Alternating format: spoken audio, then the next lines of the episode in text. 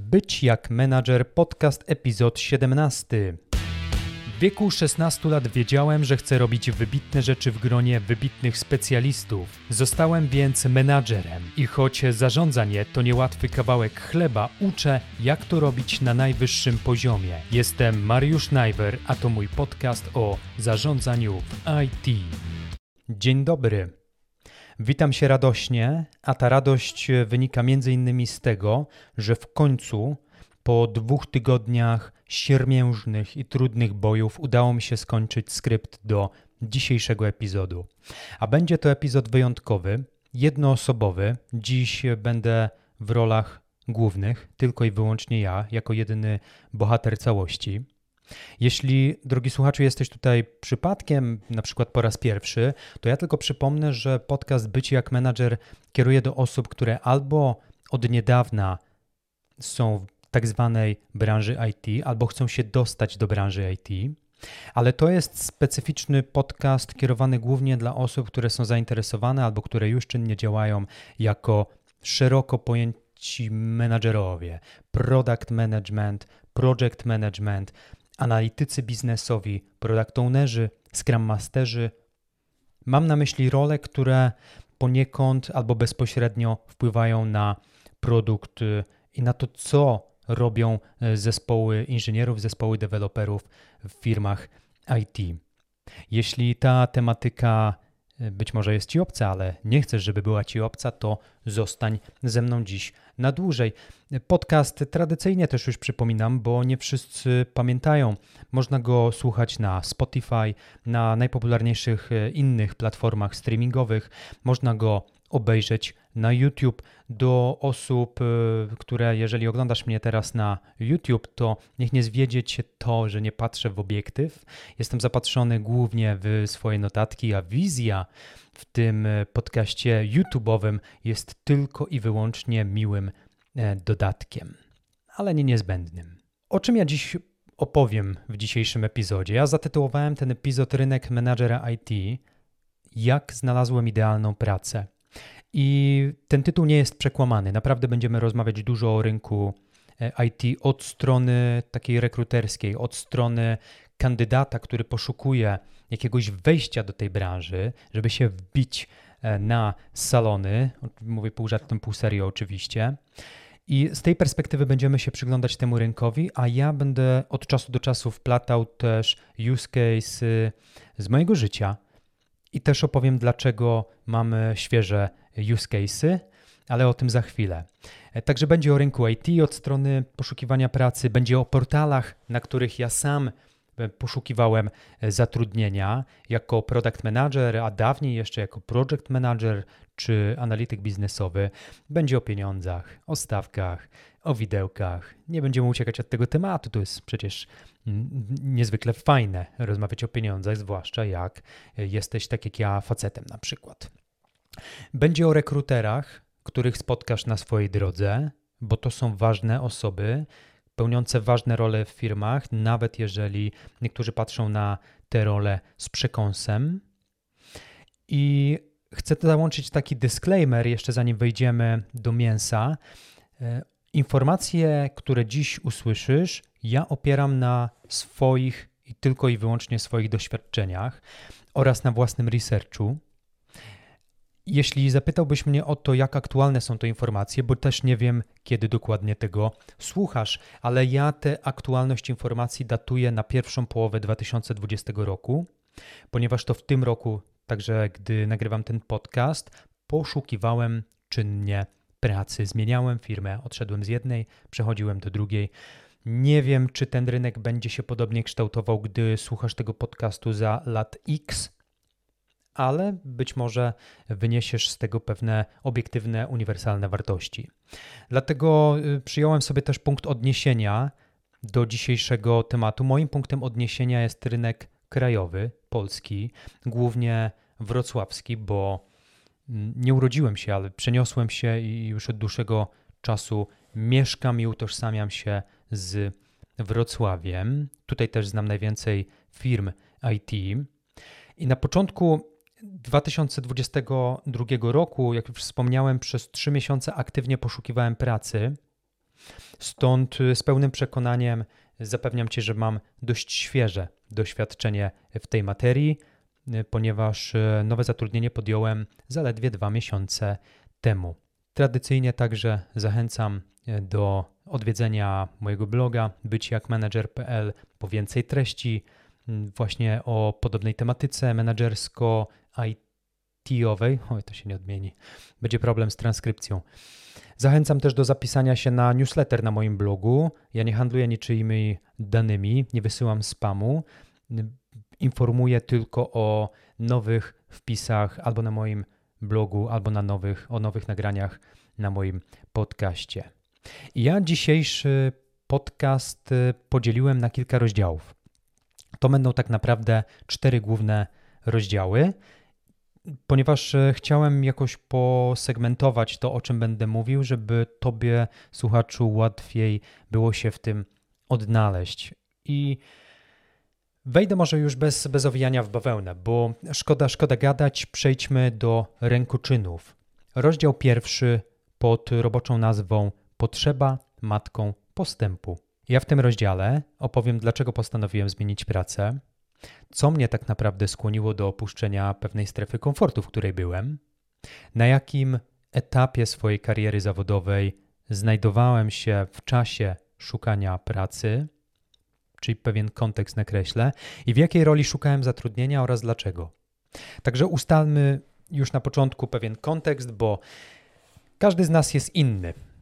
I odradzam na wstępie szukania bezpośredniej analogii moich poszukiwań pracy do być może Twoich poszukiwań z kilku powodów. Otóż to, co zadziałało u mnie, nie zawsze może zadziałać u Ciebie. I pewne okazje, które mi się nadarzyły, bo były na przykład dziełem przypadku, niekoniecznie nadarzą się Tobie. Dlatego zawsze patrz na daną sytuację z kilku perspektyw i myślę, że dobrym podejściem jest, aby starać się podchodzić do tych, do, do, do każdej sytuacji bardzo analitycznie, szukając plusów i minusów tak naprawdę wszystkiego, co, co będzie nam dane doświadczyć. Ten podcast nie ma dać ci gotowej odpowiedzi, jak znaleźć e, idealną pracę, ale z pewnością pomoże ci zrozumieć, co mnie pomogło w poszukiwaniach, a także gdzie popełniałem błędy, których dzisiaj myślę, że już bym drugi raz e, nie popełnił. Dowiesz się na pewno, jak wielu aspektów dotyka poszukiwanie pracy, bo to nie jest problem, nie chcę nazywać problemem, to nie jest challenge zero-jedynkowy. I to nigdy nie są łatwe decyzje, ale to są zawsze ważne decyzje, które musisz podjąć, jeśli chcesz podjąć się nowej pracy. I żeby odpowiedzieć Tobie na pytanie, które być może chciałbyś mi zadać, dlaczego postanowiłem zmienić pracę, już wchodząc tak dobitniej w ten pierwszy rozdział, muszę najpierw wyjaśnić, w jakim miejscu swojej kariery zawodowej byłem, gdy podejmowałem decyzję o tym, że odejdę z jednej firmy i zacznę szukać innej. Ja przez lata zdobywałem doświadczenie na zmianę albo w startupach, albo w software house'ach. I specyfika tych obu miejsc ma pewne swoje plusy i minusy. Zacznijmy od y, startupów może. Startupy są najczęściej bardzo dynamiczne, napełnione energią młodego zespołu. Tam y, ma się bezpośredni wpływ na y, główną działalność firmy, na jej główny produkt, jako że ta firma jest zazwyczaj, jak to startup, mała. W startupach są, muszę przyznać, spore perspektywy rozwoju, ponieważ rozwijamy się razem z firmą, która także się mocno i dynamicznie rozwija. To są nierzadko ciekawe miejsca, żeby nałapać e, podstawowego doświadczenia, i są to często młode firmy postawione na kapitale inwestorskim. Właściciele startupów nierzadko dość skrupulatnie liczą pieniądze. Ma to swoje plusy i minusy, ponieważ lekką ręką raczej podwyżki nie dostaniesz, a może mogę się mylić, to tylko mm, y, wyciągam ze swojego doświadczenia. A jak będziesz chciał na przykład y, postarać się o jakieś y, benefity, mm, jakieś dofinansowanie do jakiegoś kursu, nie zawsze w startupach jest na to przestrzeń finansowa. W startupach jest spora presja na wyniki. to chyba nie jest nic odkrywczego, co teraz mówię, ponieważ trzeba coś pokazać inwestorom albo właścicielowi. Nierzadko sporą grupę specjalistów, to uważam za minus, stanowią juniorzy albo osoby średnio doświadczone. Chociaż nie wszystkie startupy cierpią na te, nazwę to choroby wieku dziecięcego, to ja jednak bazuję trochę na swoich doświadczeniach, a te najczęściej były podobne w przypadku młodych firm. Ludzie są zajebiści, ale jest naprawdę ogromny bałagan i nie zawsze wszyscy wiedzą, albo nie zawsze jest ktoś, kto wie, jak ten bałagan poskładać. W startupach rzadko kiedy są procesy. Występuje tam mikrozarządzanie, bo nierzadko, będę powtarzał nierzadko, bo to nie dotyczy wszystkich przypadków, ale bardzo wielu.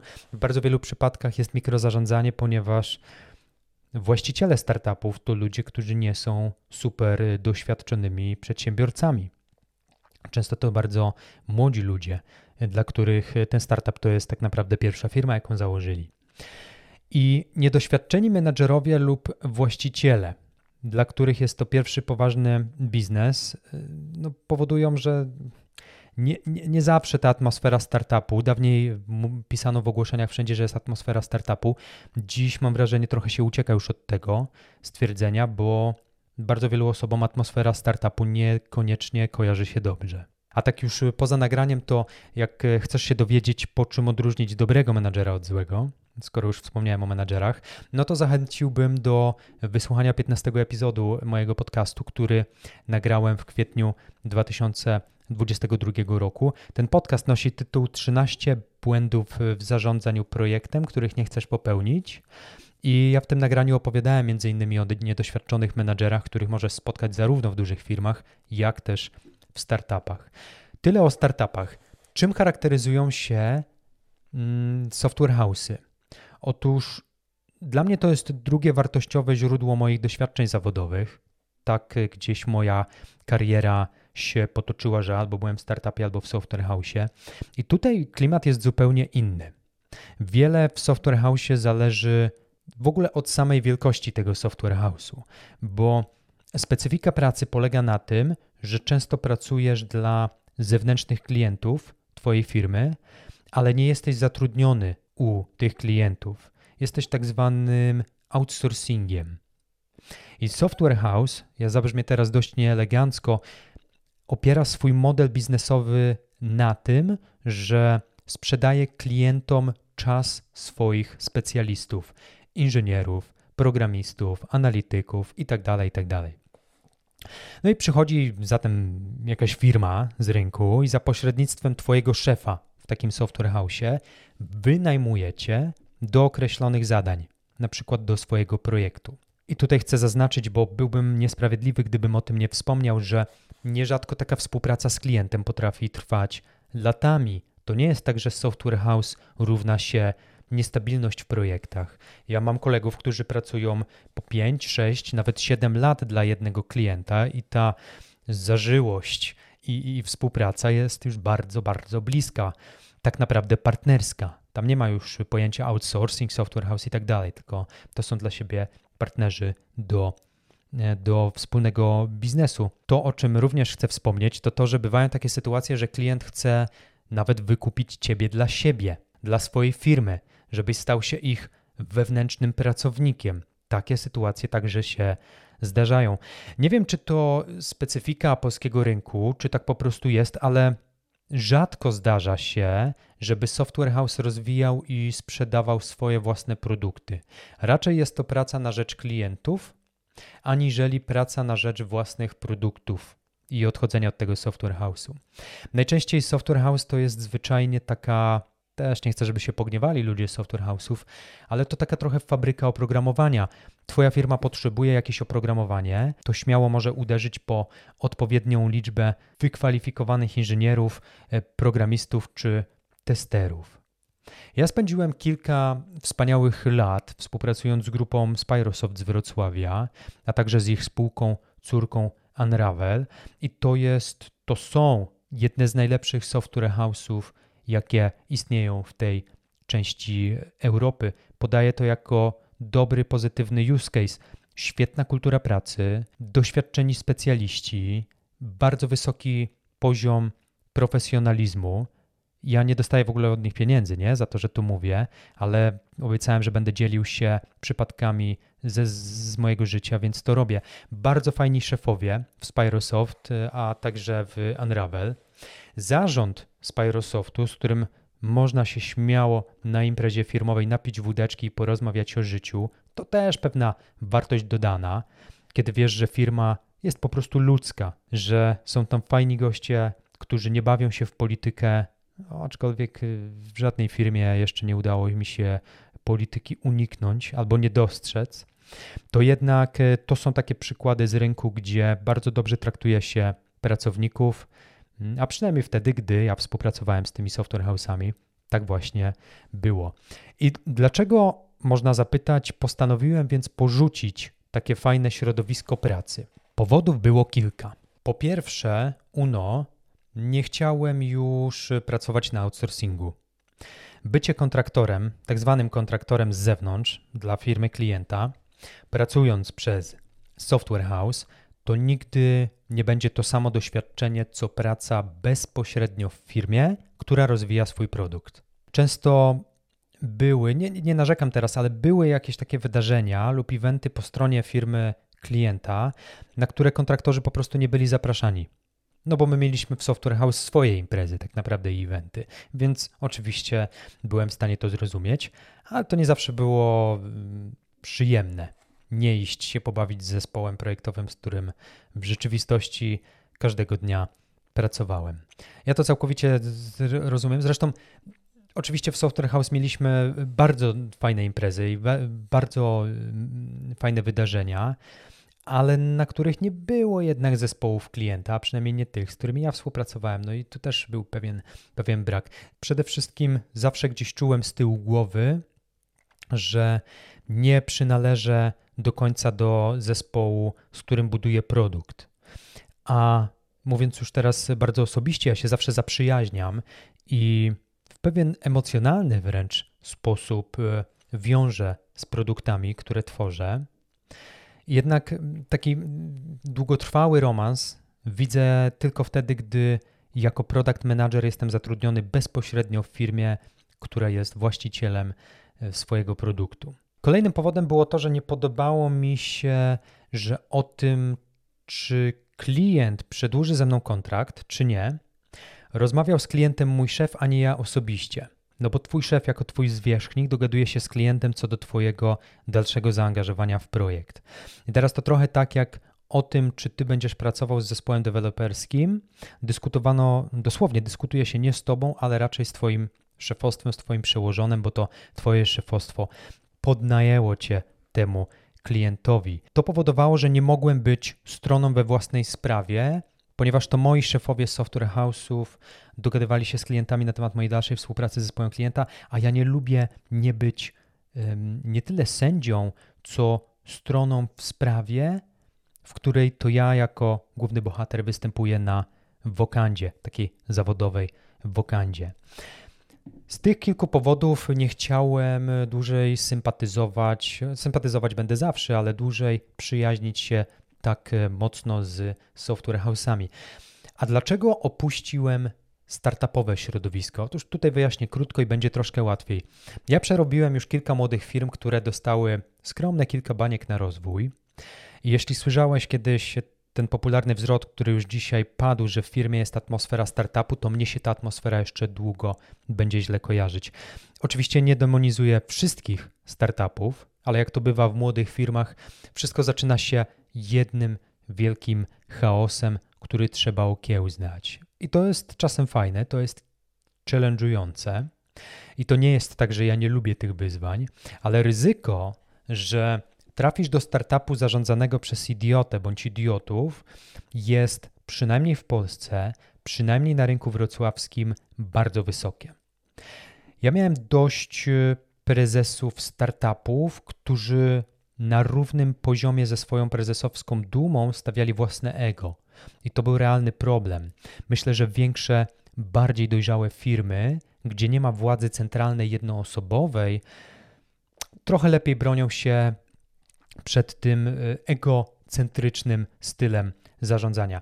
Ponadto też mogę dodać, że właściciele startupów nierzadko oczekiwali od pracowników, że ci będą dostępni po godzinach pracy i w weekendy. A to nie do końca jest fajne. Ja sobie cenię odpoczynek i życie prywatne, ponieważ bez tych dwóch wartości nigdy nie byłbym efektywnym pracownikiem. I mam takich przyjaciół, którzy się bardzo wcześnie na wczesnym etapie swojej drogi zawodowej wypalili zawodowo, i to nie jest nic fajnego, ponieważ oni po 10 latach pracy nie byli w stanie dalej jakoś fajnie, zdrowo się rozwijać. Dlatego uważam, że właściwy odpoczynek jest tak samo ważny jak właściwie wykonana robota. Niestety, mówię to z wielkim żalem, niewielu startupowców to rozumie. Są oczywiście wyjątki. Powtarzam, ale nigdy nie wiesz, na kogo trafisz. Także podsumowując, Software House, pomimo świetnych ludzi, ogromnej wiedzy, jaką przyswajałem, rewelacyjnych szefów, których miałem, nie rozwijał niestety żadnego wewnętrznego produktu, nad którym mógłbym pracować. A startup, w szczególności ostatni, z którym miałem styczność zaledwie przez kilka miesięcy, posiadał kulturę pracy opartą o brak zaufania, o brak transparentnej komunikacji, mikromanagement prezesa, gdzie ludzie przychodzili i wychodzili do pracy i z pracy smutni. Takie przynajmniej miałem wrażenie. Startup, który cechował się też bardzo niskim poziomem seniority w zespole, ponieważ większość zatrudnionych osób stanowili juniorzy oraz osoby z dwu, może trzyletnim doświadczeniem. A jak chcesz zdobywać szczyty, to potrzebujesz naprawdę mocnej, doświadczonej ekipy. Gdzieś zabrakło mi już energii, żeby przebijać się z produktowym przekazem i tłumaczyć kolejnemu zarządowi, że to, co chcą osiągnąć, nie potrwa kilka tygodni, a nawet kilka miesięcy, bo produkt był praktycznie w rozsypce z absolutnym długiem technicznym. W dodatku ten już wiem, że podaję teraz negatywny case z mojego życia, ale takie także bywają. Ten startup nie posiadał tak zwanego value proposition i nie wyróżniał się funkcjonalnie na tle y, konkurencji, która tak naprawdę zabetonowała już dla siebie większość rynków w Polsce. I to były takie mocne, solidne powody, dla których postanowiłem, tak szybko jak się w tej firmie pojawiłem, tak szybko postanowiłem uciec.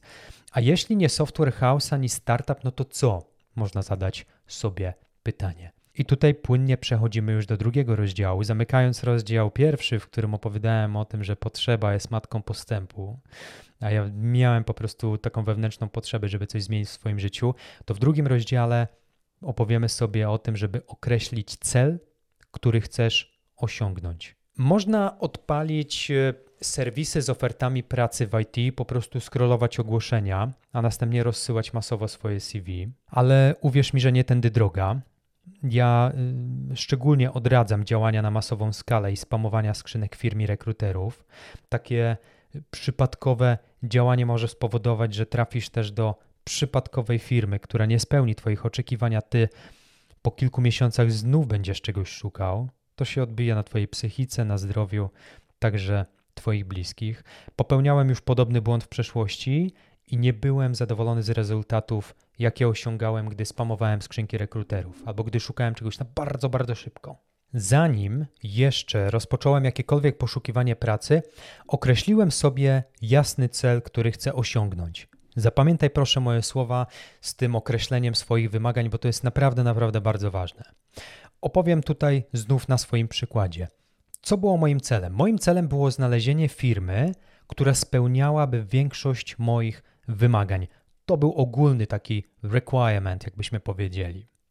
Rozbijając te wymagania na mm, mniejsze czynniki. Otóż miałem tak zwane wymagania biznesowe. Firma musi istnieć na rynku od co najmniej 5 lat. To ma być firma międzynarodowa z oddziałami w kilku dużych miastach Europy lub Stanów Zjednoczonych. To są realne rzeczy, które sobie postawiłem jako moje wymagania co do mojego przyszłego pracodawcy.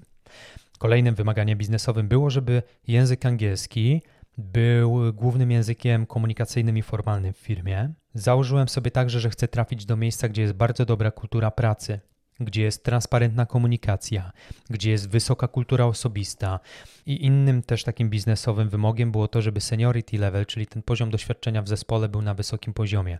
W przeważającej większości seniorzy, potem osoby z dwu-trzyletnim doświadczeniem, aż w znacznej mniejszości juniorzy. Tyle z biznesowych wymagań. Miałem też wymagania produktowe, zaraz powiem o finansowych. Z wymagań produktowych to chciałem, żeby firma rozwijała własny produkt albo produkty. Chciałem też, żeby te produkty były na rynku od co najmniej kilku lat i cieszyły się uznaniem klientów. Nie, że firma mówi, mamy własny produkt, on jest super, użytkownicy go kochają, a ja pytam, a jaka jest retencja? Na poziomie 15%. No i jeżeli tylko 15% użytkowników korzysta dłużej niż miesiąc e, z Twojego produktu, no to, to, to, gdzie tutaj jest? Gdzie tu jest produkt, który ma zamiar zdetronizować rynek? Założyłem sobie tak od strony produktowej, że bez znaczenia, czy to będą produkty B2B, czy B2C, czy jakieś e, wewnętrzne panele administracyjne, nie miało to dla mnie znaczenia, niezależnie od typu produktu. Chciałem, żeby one działały. O, może tak, nie? Nie chciałem wchodzić do firmy, która ma kompletnie rozpierdolone te produkty pod kątem funkcjonalnym, logicznym i tak dalej. Ale jeżeli jest to jakiś produkt, który może od strony UI-owej i interfejsu nie wygląda perfekcyjnie dobrze, ale jednak działa, zaspokaja pewną potrzebę rynkową, to już jest spoko. To mogę w to wejść. Dodatkowy plus dawałem firmom za to, jeśli ich produkty są sexy.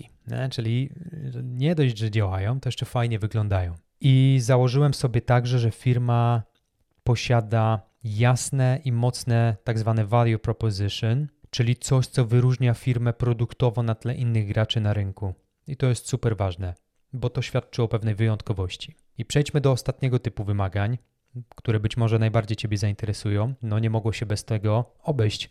Przyjąłem sobie pewne założenia i wymagania finansowe. Także pogadajmy o pieniądzach. Będę tutaj z Tobą absolutnie w 100% szczery, chociaż wiem, że dla wielu osób w naszym kraju mówienie o pieniądzach to trochę jak mówienie o masturbacji. Temat jest wstydliwy, temat tabu, temat, którego nikt nie chce poruszać na forum. Ale to jest mój podcast, a my tutaj będziemy łamać pewne schematy. Otóż ja ostatnią fakturę w 2021 roku wystawiłem na 20 tysięcy polskich złotych netto, plus podatek to wychodziło coś powyżej 24 600 złotych brutto. W sumie to tyle wychodziło. Nieco więcej, gdy mm, doszła do tego jeszcze premia. I to była faktura dla startupu, z którym pożegnałem się po trzech miesiącach, gdzie wypowiedzenie złożyłem już po pierwszym miesiącu swojej pracy, wiedząc co tam się dzieje i widząc, co tam się dzieje. I ja chcę być niezwykle fair w stosunku do ciebie. Chcę zaznaczyć, że posiadam więcej niż jedno źródło dochodów, co było dla mnie niezwykle istotne. Za chwilę wrócimy jeszcze do tego tematu. I tym dodatkowym źródłem są chociażby audyty dla firm, które przeprowadzam od niemal e, roku, jak też moje konsultacje menedżerskie jeden na jeden, na które ty także możesz się zapisać za pośrednictwem mojego bloga byciakmanager.pl w zakładce konsultacje.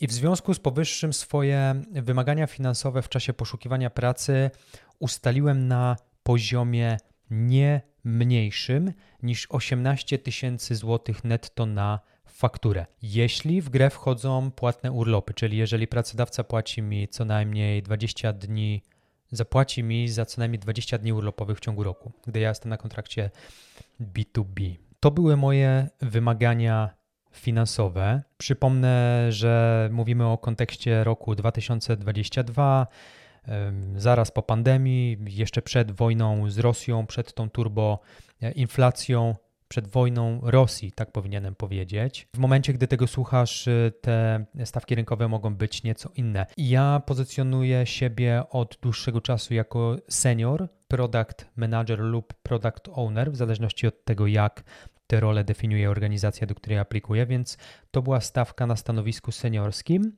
I patrzyłem na to trochę z perspektywy wrocławianina, i tego, ile kosztuje mnie utrzymanie w tym mieście i tak dalej, i tak dalej. No ale tym sposobem, jeszcze przed rozpoczęciem poszukiwań, Miałem jasno sprecyzowany cel, który chcę osiągnąć. Tym celem było znaleźć firmę, która spełnia te wszystkie wymagania, a przynajmniej większość z nich. I miałem także jasno określone e, wymagania rozpisane, miałem tę listę, która pomagała mi za każdym razem, gdy zastanawiałem się, czy ta lub inna firma to może już jest ta, czy jeszcze nie, to mogłem na tę listę właśnie spojrzeć. I ktoś może powiedzieć, dobra Mariusz, ale ty jakby masz doświadczenie, to sobie możesz przebierać w firmach, a ja takiego doświadczenia nie mam i biorę co będzie. Zgodzę się. Dawniej nie miałem takiego komfortu, ale wciąż będę upierał się przy swoim, że nawet gdy nie masz wielkiego doświadczenia, nic nie stoi na przeszkodzie, żeby określić nawet górnolotnie jakiś cel, który chcesz osiągnąć, cel Twoich poszukiwań.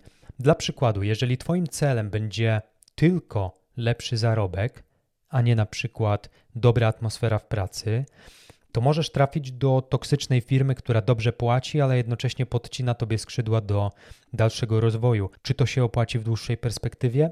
Nie sądzę. Jeśli jasno określisz wymagania, to łatwiej będzie ci omijać firmy, gdzie może być na przykład toksyczna atmosfera w pracy. Bowiem określenie wymagań w rzeczywistości nic nie kosztuje, a możesz na tym zyskać. Także pamiętaj, że możesz mm, zmienić swoje wymagania w trakcie poszukiwań, bo tak naprawdę to ty jesteś kowalem swojego losu zawodowego i to ty musisz być zadowolony z wyborów, jakie podejmujesz.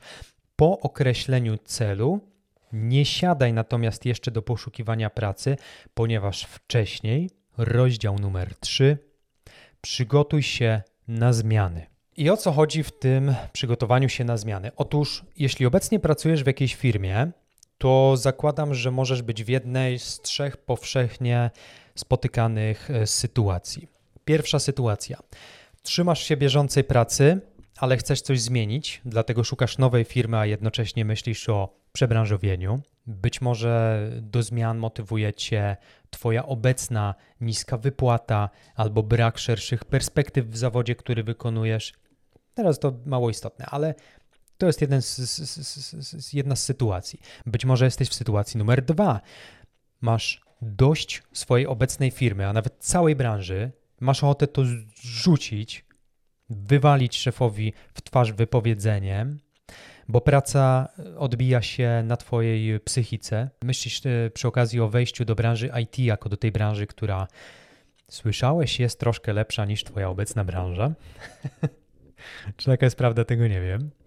Albo może jesteś w sytuacji numer 3, czyli już tak naprawdę nie masz pracy, jesteś na bezrobociu, albo jesteś właśnie na okresie wypowiedzenia, a chciałbyś dostać robotę w IT, tylko że czujesz na sobie ogromną presję, ponieważ jesteś albo zaraz będziesz e, bezrobotny. Każda z tych sytuacji nie jest łatwa, ale każda z tych sytuacji prowokuje cię, a wręcz motywuje do tego, żeby zmienić status quo, żeby z punktu A znaleźć się w punkcie B. Zapytasz, jak zachowałbym się w każdej z tych trzech sytuacji, w zależności od tego, która Ciebie dotyczy.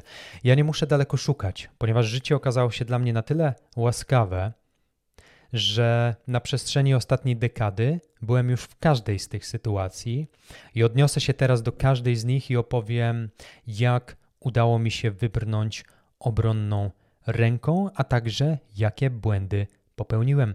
Pamiętajmy, jesteśmy ludźmi, błędy to część naszej codzienności. Pierwsza sytuacja, gdzie masz obecnie pracę i nie złożyłeś jeszcze wypowiedzenia, jest jak najbardziej komfortowa. Nie czujesz wielkiej presji, w sumie to nawet lubisz swojego szefa, otacza cię fajny zespół, masz stałe źródło dochodów, chcesz zmienić status quo, ale wiesz, że nie musisz tego robić na siłę. Dokładnie w takiej sytuacji byłem jeszcze rok temu, od chwili, gdy nagrywam ten podcast. Miałem w porządku robotę w świetnej międzynarodowej firmie z siedzibą we Wrocławiu. Rozwijałem się, posiadałem stałe źródło dochodów, nie małych zresztą. Mój ówczesny przełożony był świetnym menadżerem, wciąż jest świetnym menadżerem, jest wspaniałym człowiekiem, wiele się od niego nauczyłem. Nigdzie się nie śpieszyłem, dlatego mogłem na spokojnie rozglądać się za inną firmę. Opowiadałem chwilę temu o celu, jaki mi przyświecał, także nie będę się powtarzał, dlaczego chciałem tę pracę zmienić. W skrócie, szukałem nowych przygód zawodowych. Jak ja przygotowałem się wtedy na zmiany? I jak ja wtedy przygotowałem się na zmiany? Pierwsza najważniejsza rzecz, absolutny must have. Zadbać o poduszkę finansową. Mówię w tej chwili mm, e, absolutnie szczerze i serio. I teraz zrobię pauzę na krótki disclaimer. To nie jest podcast o finansach ani o oszczędzaniu, ale w pewnym aspekcie, czyli w czasie przebranżawiania się lub po prostu zmiany pracy, finanse osobiste to jest cholernie ważny wątek.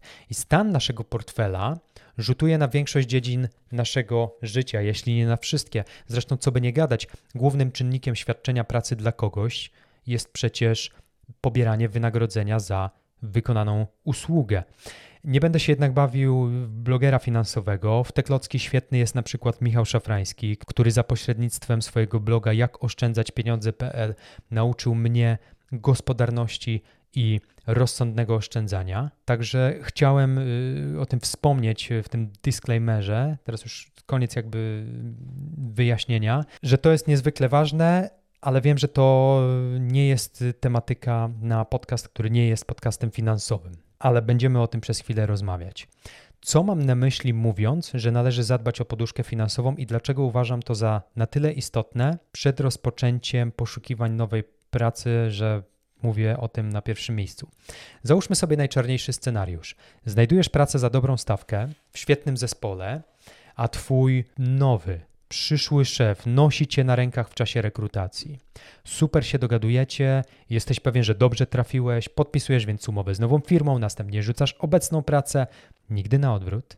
Nigdy nie rzucaj pracy, zanim podpiszesz umowę z nową firmą, ale po miesiącu dołączasz do nowej firmy i już w pierwszym tygodniu zauważasz, że nic tak naprawdę nie wydaje się takim, jakie przedstawiał to tobie wcześniej twój nowy szef w czasie rekrutacji. Atmosfera jest tak naprawdę grobowa, nie startupowa. Ludzie na siebie krzywo patrzą. Prezes firmy, a przy okazji twój nowy szef ma poważne problemy ze swoim ego.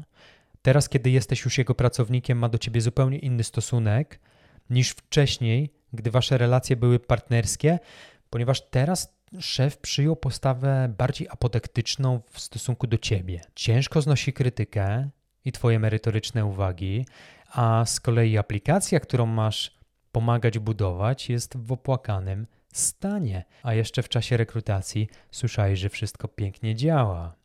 W skrócie, czujesz się oszukany, czujesz się źle i z dnia na dzień coraz bardziej wątpisz, że chcesz wiązać w ogóle swoją przyszłość z tą firmą. To, jak źle na psychikę wpływa złe środowisko pracy, najlepiej wytłumaczy ci psycholog. Ja mogę od siebie tylko dodać, że nie ma wtedy bardziej komfortowej sytuacji jak ta, gdy posiadasz poduszkę finansową i jesteś niezależny od obecnego nowego pracodawcy. Z dobrej firmy trafiłem do miejsca, które z mojej perspektywy było antyrozwojowe.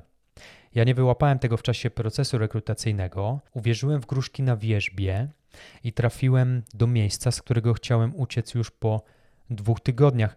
Być może ktoś inny na moim miejscu odnalazłby się znakomicie w tym miejscu, ale to, co zastałem, było po prostu dalekie od moich preferencji, przyzwyczajeń i od moich mm, profesjonalnych cech nad którymi w ostatnich latach pracowałem. Gdybym nie miał wtedy poduszki finansowej, to musiałbym kolejne miesiące pracować dla ludzi, dla których nie chciałem pracować, zanim znalazłbym dla siebie odpowiednie miejsce. Dzięki poduszce finansowej mogłem sobie pozwolić na to, żeby przez niemal rok przy y, pewnym zaciśnięciu pasa po prostu nie pracować. I dodam też, że moja narzeczona Tatiana była wtedy na bezrobociu, ponieważ przygotowywała się do zmiany branży ze spedytorki na UX designerkę. Także ja byłem jedyną osobą, która w tamtym momencie przynosiła pieniądze do naszego domu. I w momencie, w którym trafiłem do firmy, dla której praca odbijała się negatywnie na moim zdrowiu psychicznym, po prostu złożyłem wypowiedzenie. To było piękne. Kolejnym plusem jest to, że mogłem się wtedy skupić tylko i wyłącznie na szukaniu wymarzonego miejsca pracy bez presji finansowej, żeby znaleźć coś na szybko. Dałem więc sobie tyle czasu, ile potrzebowałem na ponowne poszukiwania firmy, która spełni moje oczekiwania. I dzięki temu, że byłem zabezpieczony finansowo, ten y, wewnętrzny spokój dawał mi też dużo pewności w czasie rozmów kwalifikacyjnych. Nie stresowałem się, postanowiłem, że w, jeśli w ciągu pięciu miesięcy tak naprawdę nie znajdę odpowiedniej firmy, no to w szóstym miesiącu poszukiwań roześlę e, więcej CV, wezmę pierwszą ofertę z brzegu lub po prostu wrócę do software house'u, z którego odszedłem dawniej. Chociaż broniłem się przed ostatnią opcją, ponieważ e, już dwukrotnie odchodziłem z tej samej firmy. Także bezpieczeństwo finansowe sprawiało, że nie musiałem udawać ani kłamać w kwalifikacjach, byleby dostać pracę. Szczerze odpowiadałem na pytania rekruterów oraz, oraz menadżerów w trakcie rozmów kwalifikacyjnych. Nie musiałem szukać na siłę. I to jest najpiękniejszy stan ducha, jaki możesz sobie wypracować, zanim rozpoczniesz poszukiwania. Wróćmy teraz do drugiej sytuacji, w której możesz się znaleźć, czyli masz dość swojej obecnej firmy, a nawet branży i masz ochotę z dnia na dzień rzucić wypowiedzeniem, bo praca odbija się na Twojej psychice e, i myślisz o wejściu do branży IT, to jest to, o czym też przed chwilą wspomniałem. Jeżeli będziesz posiadał poduszkę finansową, jeżeli posiadasz, po prostu rzuć wypowiedzeniem. Zrób to. I tyle. I na spokojnie, może nie na spokojnie, może z pewną dynamiką, ale po prostu rzuć tę robotę, jeżeli coś się odbija negatywnie na Twojej psychice, to wchodzimy już w sferę zdrowia i dbania o to, czy, czy, czy chcesz być zdrowy, czy nie. A jako ludzie, ja tak myślę, powinniśmy zawsze podejmować decyzje w pierwszej kolejności bazując na tym, jak wpływa to na nasze zdrowie, jak odbija się na naszym zdrowiu. Jeżeli Twoja obecna praca odbija się na Twoim zdrowiu, po prostu rzuć w cholerę tę robotę. Ewentualnie, nie, nie chcę tutaj, ja nie jestem doradcą finansowym, więc nie chcę doradzać finansowo, ale jeżeli nie masz y, poduszki finansowej, to może po prostu pożycz od kogoś kasę na miesiąc, dwa, spręż tyłek i, i, i, i po prostu znajdź coś innego. Ja byłem w tej sytuacji, ale byłem w tej sytuacji z poduszką finansową, więc znów było mi troszkę łatwiej.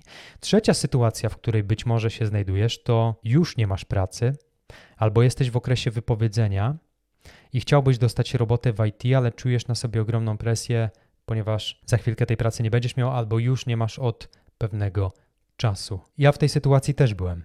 E, trzy lata temu, po okresie próbnym w startupie, ani ja, ani mój ówczesny szef się nie dogadaliśmy i nie przedłużył mi angażu, chociaż chciałem dać szansę tamtemu projektowi. Tak naprawdę miałem dwa tygodnie na to, żeby znaleźć sobie pracę, bo zostałbym bez środków do, znaczy bez, nie bez środków do życia, ale bez e, źródła, jedynego źródła dochodu wtedy.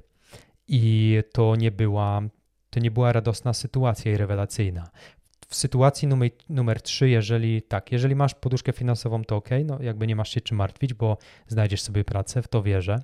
Natomiast jeżeli nie masz poduszki finansowej, to tutaj myślę, że to jest jedyny przypadek, gdy rekomendowałbym poszukiwania szybkie, na masową skalę, ale bazując też na pewnych wskazówkach, które usłyszysz jeszcze w trakcie dzisiejszego epizodu. A przechodząc już do konkretnych wskazówek i tego, jak się przygotować poza poduszką finansową, to drugą, najważniejszą rzeczą do zrobienia przed tym, zanim zaczniesz szukać nowej pracy, to zaraz właśnie po tym zapleczu finansowym wizerunek, CV i portfolio. Musisz zadbać o te trzy aspekty. Przejdźmy jeden po drugim. Wizerunek. Jak cię widzą, tak cię piszą. Proste i logiczne, wydawałoby się. Co mam na myśli? Jeśli na profilówce na fejsie będziesz ty w koszulce żonobice, z blantem w gębie i flaszką żubrówki w dłoni, spowity snem po całonocnym melanżu, to nie wygląda to jak zachęta do podjęcia merytorycznej dyskusji o zarządzaniu projektem lub produktem. Chyba wiesz, co mam na myśli. I nie chodzi mi o to, że musisz być aniołkiem, bo nie musisz, ale miej świadomość, że istnieje coś takiego jak wizerunek. To, jak ty siebie widzisz, nie równa się temu, jak widzą ciebie inni. Ja się o tym przekonałem wielokrotnie. Kiedy już zdasz sobie z tego sprawę, to dojdziesz, uwierz mi, dojdziesz do tego, jak zarządzać także swoim wizerunkiem. Dodam, że ja sam staram się dość świadomie budować swój wizerunek osoby niezależnej od opinii innych. Taki też jestem w życiu prywatnym. Potrafię dopieprzyć w bardzo nonszalancki czy wręcz wulgarny sposób, ale tylko tam, gdzie uznam to za zasadne. Ja sobie zostawiam bowiem pole do posiadania własnego zdania na każdy temat i jestem skłonny tego zdania bronić tak długo, jak długo posiadam argumenty broniące mojej tezy.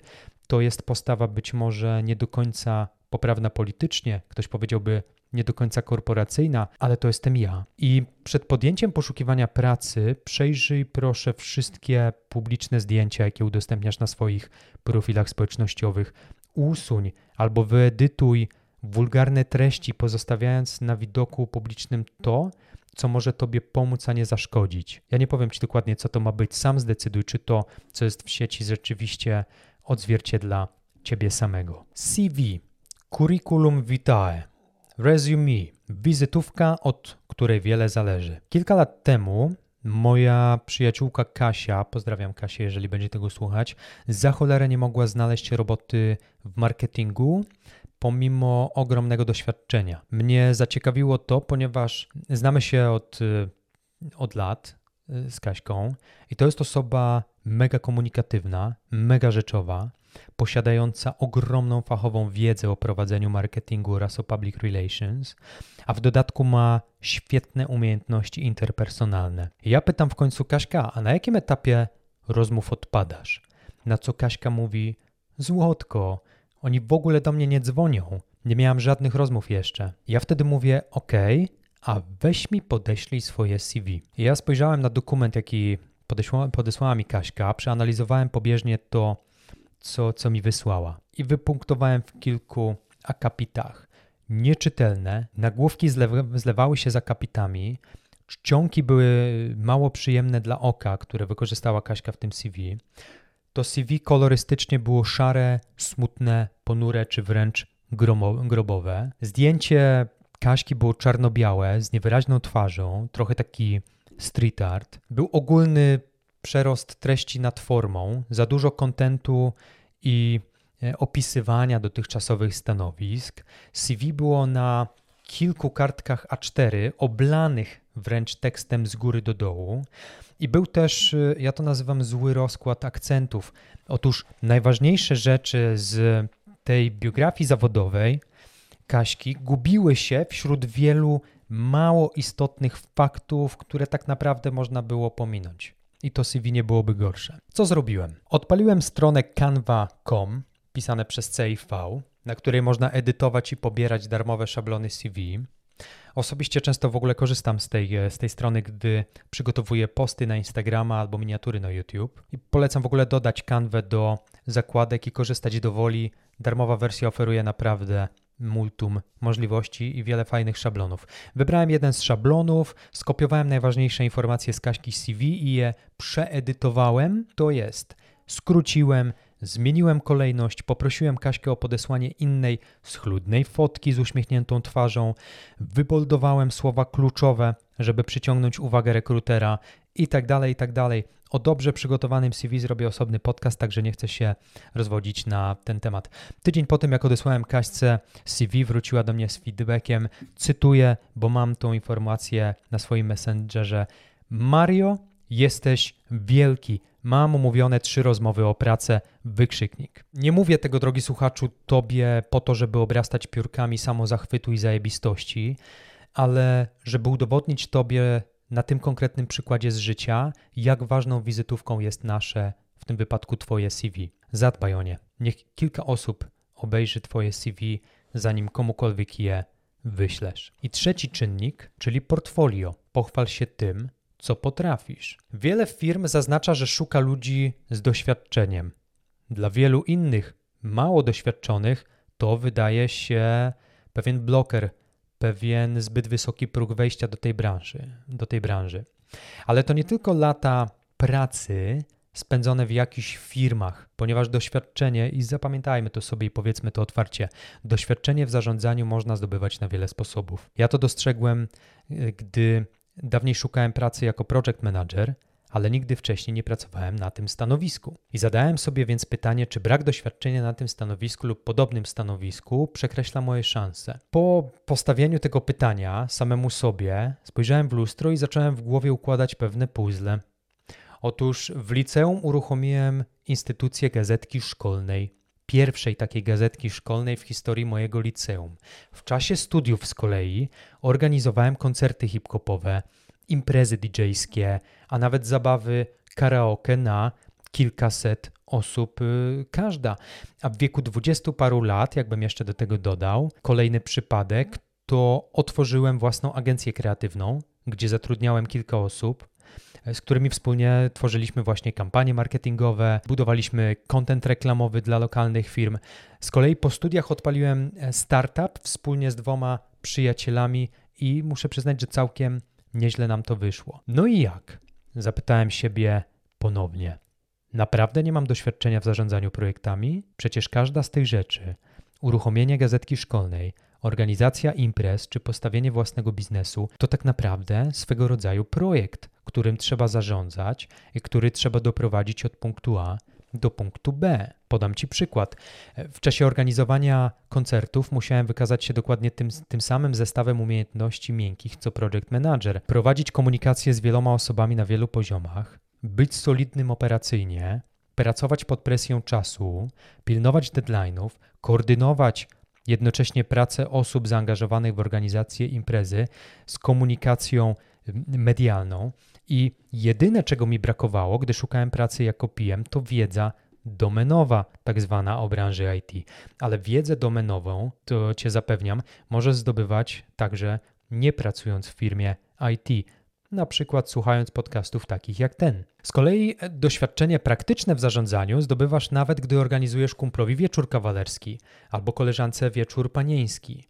I właśnie te doświadczenie w zarządzaniu, zdobyte poza branżą IT, wykazywałem wtedy na CV jako moje główne portfolio, gdy chciałem wejść do branży technologicznej. Buduj portfolio, angażując się w różne eventy, robiąc certyfikaty, chociaż one są tylko miłym dodatkiem. Zapisuj się na wolontariat, szukaj opcji do odbycia stażu w czasie wakacji albo dłuższego urlopu, załóż bloga o zarządzaniu. Naprawdę Sposobów jest wiele. W portfolio chodzi o to, żeby pokazać nie tylko Twój warsztat, albo nie tyle Twój warsztat, co tak zwane zaangażowanie w sprawę. Pokazać zamiłowanie do pełnienia roli PM-a, albo analityka, albo product ownera. Pokazać, że choć trochę fundamentalnej pasji do roli, na którą aplikujesz, właśnie w Tobie drzemie. I kiedy zadbamy już o wizerunek, CV oraz portfolio, to możemy zacząć szukać otwartych opcji na zatrudnienie. I tym pogodnym akcentem przechodzimy do rozdziału numer 4. Rozpoczynamy poszukiwania. Gdzie poszukiwałem idealnej pracy, tej wymarzonej, o której mówi tytuł dzisiejszego podcastu? Jest kilka źródeł, które eksploatowałem, żeby namierzyć wakaty w firmach IT. Znajomi, programiści, inżynierowie, Zarzucałem info na różnych y, grupach na, mens- na Messengerze, w których y, jestem i prosiłem znajomych o to, żeby polecali mnie w swoich firmach. Proste. Drugie źródełko LinkedIn. Posty oraz wiadomości prywatne od rekruterów. Opublikuj post, że szukasz pracy ale ubierz to w jakąś historię. Moja narzeczona, gdy szukała pracy jako UX designer, opowiedziała historię, jak wyprowadziła się z Ukrainy do Polski lata temu, a ze studiów prawniczych wylądowała w firmie spedycyjnej. Czyjś historii dobrze się słucha i lepiej zapadają w pamięć. Założę się, że wokół tego, gdzie teraz jesteś i co chcesz robić, także można opowiedzieć fajną historię. Polecam też e, wcześniej, zanim opublikujesz taki post na LinkedInie, pozapraszać rekruterów różnych firm do swojej sieci kontaktów. Dzięki temu zwiększysz szansę, że Twój post o poszukiwaniu pracy do nich po prostu dotrze. Kolejne źródełka, dwa naj, najpopularniejsze boardy e, jobsowe, czy tam tablice z ogłoszeniami o pracę, czyli Just Join IT oraz northlovejobs.com. Obie tablice ogłoszeniowe dla specjalistów są wiodące w Polsce. To były miejsca, gdzie często zaglądałem. Zaglądaj na nie, ale też zachęcam również zaglądać na zagraniczne portale, gdzie publikowane są ogłoszenia na przykład dla pracy zdalnej.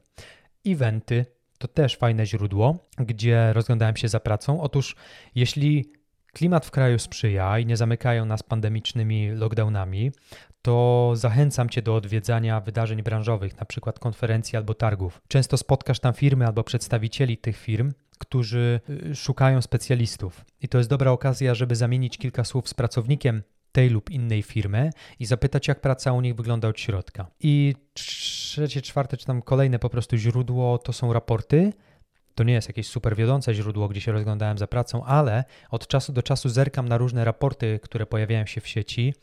Bardzo wiele z tych raportów są za darmo, w sensie za to, że oddasz swojego maila na potrzeby newslettera. E, ale z, z, raportów dowiesz się o medianie zarobków, jakie są w Twojej roli, co pomoże siebie lepiej wycenić. Dowiesz się też e, czasem także o tym, jakie role są obecnie najbardziej pożądane przez firmy IT. Podsumowując e, już ten nasz czwarty rozdział, ja bym go podsumował pięcioma złotymi zasadami. Pierwsza, nie wysyłaj CV hurtowo, a jedynie do firm, które naprawdę Cię interesują. Dwa, bądź zawsze kulturalny i uprzejmy, nawet jeśli odpadasz w przedbiegach rekrutacji. Trzy, ustal sobie własne wymagania co do pracy, którą poszukujesz, którą chciałbyś podjąć. Cztery, przygotuj sobie odpowiedzi na najczęstsze pytania rekruterów. O pytaniach e, dla product managerów opowiadałem w dziesiątym epizodzie podcastu pod tytułem 21 pytań rekrutacyjnych dla product managera. Ponadto standardowo usłyszysz: Proszę opowiedzieć kilka słów o sobie i swoim dotychczasowym doświadczeniu. Dlaczego wybrał Pan naszą firmę i co Pan o niej wie? Co Pana skłoniło do zmiany pracy? To jest w ogóle bardzo często, chyba najczęściej spotykane pytanie. Inne. E, jakie są Pana silne, a jakie słabe strony? I przykładowo, gdzie widzisz siebie za 5-10 lat? Naprawdę przygotuj sobie odpowiedzi na najczęściej pojawiające się pytania. I zasada numer 5: ucz się na swoich błędach. Uzupełniaj wiedzę od razu, jak na czymś poległeś w czasie rekrutacji.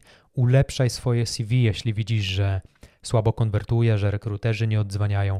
Dopytuj rekruterów, czy twoje CV było dla nich czytelne, co by zmienili. Spisuj nowe pytania, jakie usłyszałeś w czasie rozmów i przygotowuj na nie idealne odpowiedzi jeśli jakieś pytanie Cię zaskoczy. Chcę też zauważyć, że chodzenie na rozmowy kwalifikacyjne zajebiście rozwija. To trochę tak, jakbyś od czasu do czasu mm, szedł na kolejny egzamin. Potraktuj to jak przyspieszony kurs mm, budowania i umacniania własnego skillsetu. Ucz się rozmawiać o tym, czego nie wiesz. Bardzo przydatna cecha. Jeśli jesteś świadomy swoich braków, to to już jest połowa sukcesu i dobry znak dla pracodawcy, bo najgorzej, gdy specjalista nie jest świadomy tego, czego nie potrafi, no bo to oznacza, że wtedy sam nie wie, nad czym powinien popracować, żeby stawać się lepszym specjalistą. Dokładnie w ten sam sposób ja działałem, gdy poszukiwałem wymarzonej pracy u pracodawcy, który spełniłby wszystkie moje wymagania. Udało się. Dziś jestem szczęśliwym specjalistą w międzynarodowej firmie, która ma swój produkt, świetną atmosferę, ogromną kulturę pracy, bardzo wysokie seniority level w zespołach i naprawdę szerokie perspektywy do zarówno rozwoju osobistego ja mam, jak też firma ma bardzo szerokie perspektywy do rozwijania się i dominowania kolejnych rynków na świecie. Oczywiście pamiętaj też, że po jednej stronie są Twoje wymagania, a po drugiej stronie zawsze będzie to, co Ty jako fachowiec możesz zaoferować pracodawcy. Spróbuj znaleźć balans pomiędzy tym, co dajesz, a tym, co chcesz w zamian, co bierzesz. Tylko wtedy, gdy będzie ten balans, to będzie można mówić o partnerskiej współpracy pomiędzy Tobą a Twoją nową firmą. I postawmy już kropkę w tym miejscu. Wiem, że nie wyczerpałem tematu, ale na pewno będziemy wracać do, do wątku poszukiwania pracy. Jeśli jesteś już w trakcie poszukiwań, to mocno trzymam kciuki, żeby ta droga, którą przemierzasz z punktu A do punktu B, miała swój szczęśliwy finał. Jeśli tak będzie, podziel się historią ze mną. Tradycyjnie też przypomnę, że w zakładce konsultacje ja jestem do Twojej dyspozycji. Możesz zabukować sobie ze mną konsultację jeden na jeden albo zlecić mi przeanalizowanie Twojego CV pod kątem skuteczności. Zachęcam, jeśli uznasz, że mogę Ci w ten sposób pomóc. Ogromne podziękowania, jeśli już zapisałeś się do mojego newslettera. Jeśli jeszcze Ciebie tam nie ma, to zachęcam.